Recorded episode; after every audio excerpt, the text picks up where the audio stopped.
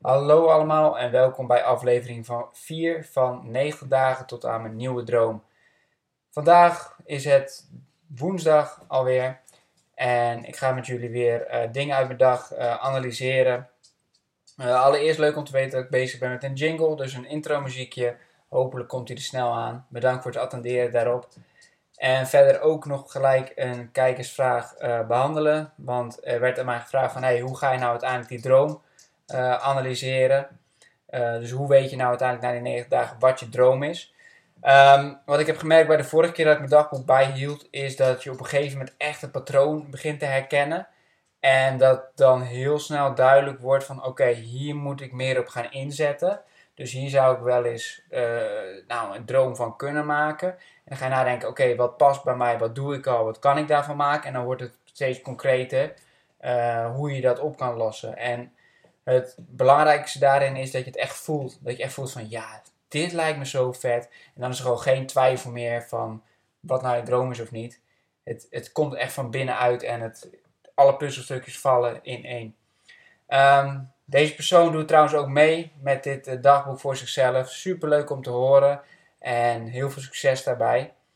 Um, mijn dag, uh, verschillende dingen gedaan. Um, daarmee viel ook weer op dat die diepgang in gesprekken, dat ik daar heel erg van genoten heb.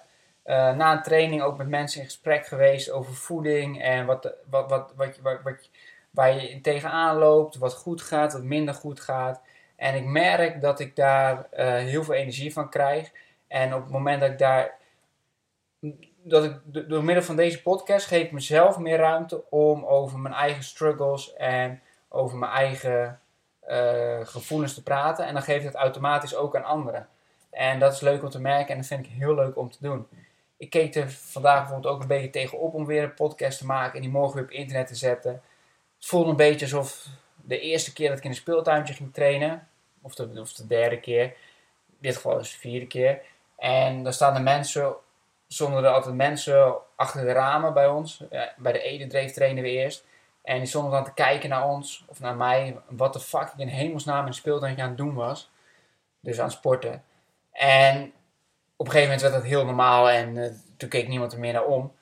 Dus, uh, en je raakt er helemaal gewoon, je denkt gewoon van ja, dit is gewoon wat ik doe en het maakt me ook helemaal niet uit wat anderen ervan denken. Uh, dus ik denk dat het ook met deze podcast zo zal gaan. Um, ik was aan het vertellen uh, dat ik diepgang dus uh, leuk vond. Ook met vrienden goed gesproken over relaties en verschillende andere onderwerpen. Um, een plan aan het maken voor een uh, zakelijk project. En dat vind ik ook een leuke uitdaging. En daar ben ik ook in heel benieuwd of ik daarin echt mijn eigen stempel. Want in mijn eigen bedrijf druk ik echt heel erg mijn eigen stempel op alles wat ik doe. Daarom heb ik ook, wil ik ook voor mezelf werken. En ik merk dat dat best wel een uitdaging is, omdat als je dan bij het bedrijf komt, om dat ook te doen. Want ja, je zit toch met allemaal protocollen en uh, mensen, je denkt toch vanzelf van ja, dat zou formeel moeten of zo. Dus ik ben benieuwd um, in hoeverre ik dat kan doen en uh, in hoeverre dat ook succesvol is. Dus dat.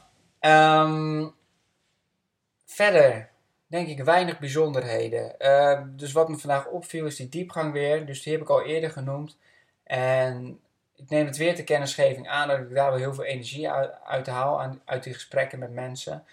En dat dat gewoon een mooi punt is. Even denken.